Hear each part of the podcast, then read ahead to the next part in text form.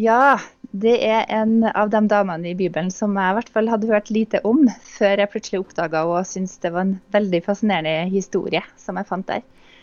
Så hun er jo ei av eh, disippelkvinnene som, eh, eh, som bodde i Jaffa, eh, og som eh, var en driftig dame, syerske, og som hadde et spesielt hjerte for enkene Mm. i eh, byen. Eh, og de var veldig avhengige av henne. Sånn at hun sydde klær til dem og sørga for dem. Men så døde hun. Og så kom Peter på sin første misjonsreise og vekte henne opp fra de døde. Ja. Eh, og hun fortsetter som aldri før etterpå med sin gode gjerning. ja. Så, det er Tabita. Det er Tabita, og du er gründer for noe som du kaller Tabita-senteret. og Fortell litt om tanken bak dette senteret.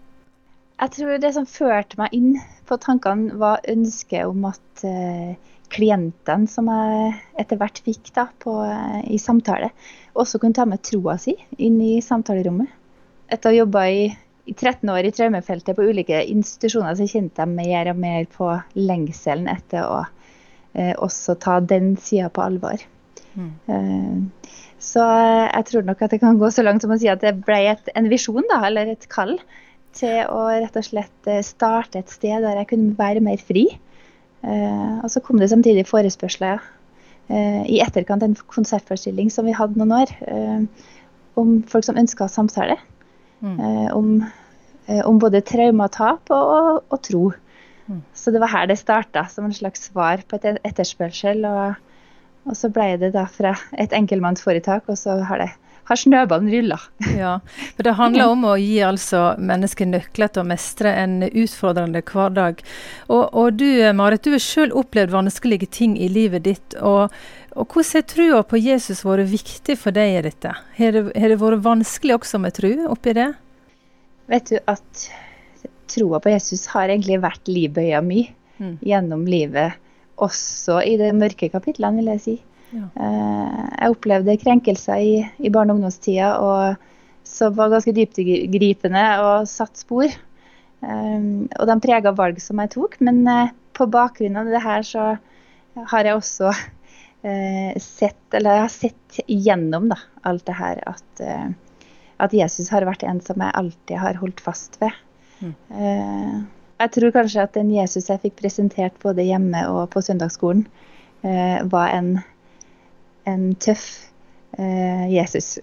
Mm. Ikke bare han med lammene, men eh, litt sånn superhelten som står eh, og holder ut og går på vannet og stiller stormen, og som ikke går fra folk. Mm. Eh, sånn at jeg har holdt fast ved han.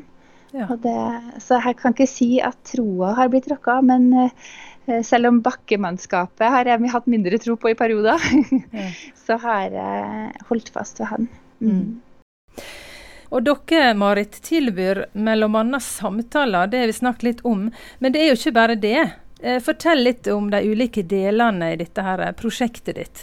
Vi starta jo som eh, et senter som tilbyr samtaler. Og den delen kaller vi Tabita Trust, som er støtte- og veiledningssamtaler. Eh, etter hvert så ble det også spørsmål om undervisning og kursing.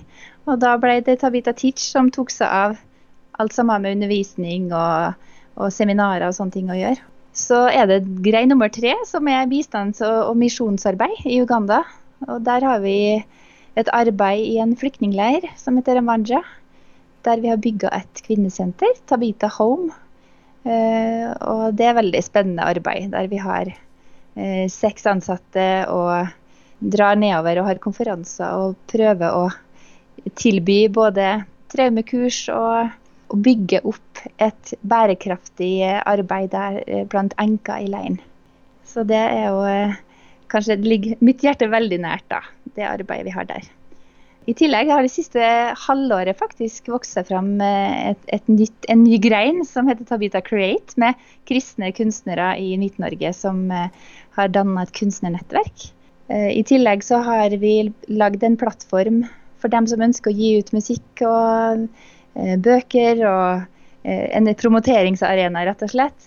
Der også den samme visjonen er i bunnen i, forhold til det med å være med å puste liv inn i visjoner og drømmer. da. Eh, puste liv inn i det som ligger i hjertet til folk i forhold til eh, gaven deres.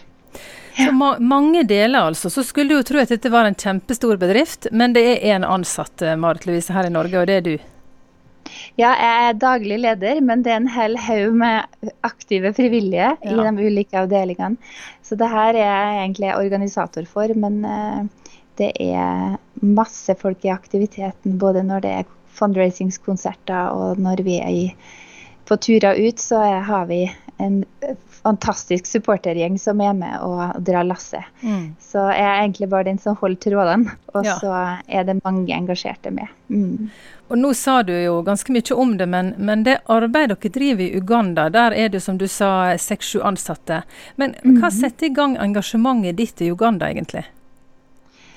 Ja, vet du hva. Det var en spesiell historie. For jeg, fikk, jeg vokste opp i en misjonssammenheng. Eh, bestefar som var misjonær i Kina. Og jeg vokste opp i misjonssambandsmiljø med kor og med leirarbeid. Eh, sånn at når jeg var ni år, så fikk jeg veldig klart for meg at jeg skulle bli misjonær i Afrika. Ja. Men så var det mye som skjedde underveis som gjorde at eh, det ble ikke helt som jeg hadde tenkt når jeg var ni, for å si det sånn. Men jeg fikk mulighet til å bli med ut som traumefaglig veileder med en norsk liten hjelpeorganisasjon i 2015.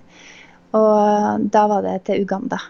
Eh, og når jeg kom dit og fikk se eh, og møte de traumatiserte damene fra Kongo som eh, hadde masse å lære meg, og som var veldig tørst etter å få traumekunnskap, så var det noe som landa i forhold til kallet mitt.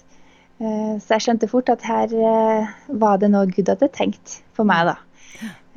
Og siden har jeg dratt tilbake. Og når Braveheart, som de het da jeg var med første gangen, eh, avslutta sitt arbeid der, så valgte jeg å fortsette under Tabita. da.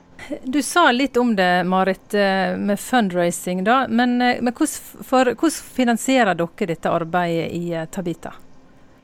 Vi har loppemarkeder, vi har lotterier vi også, med basarer. og og de kreative sjelene rundt her i Trondheim de donerer kunst, og vi har auksjoner. Og, så det er rett og slett eh, dugnadsarbeid vi holder på med, vi også. Mm. Eh, og det er jo veldig gøy å se hvor engasjert folk er. Så jeg har virkelig fått sett at eh, dugnadsånda lever i, eh, i, landet vårt fortsatt. Mm. Eh, så det er veldig sterkt å se, både når vi skal ut på på turer til Uganda og ser hvor folk kommer på døra med gaver de ønsker å sende med. Og, og også når vi har uh, ulike arrangementer her, så er det kjempeoppslutning. Så, uh, men det er klart det er hardt, det er hardt arbeid å mm. drive det på den måten.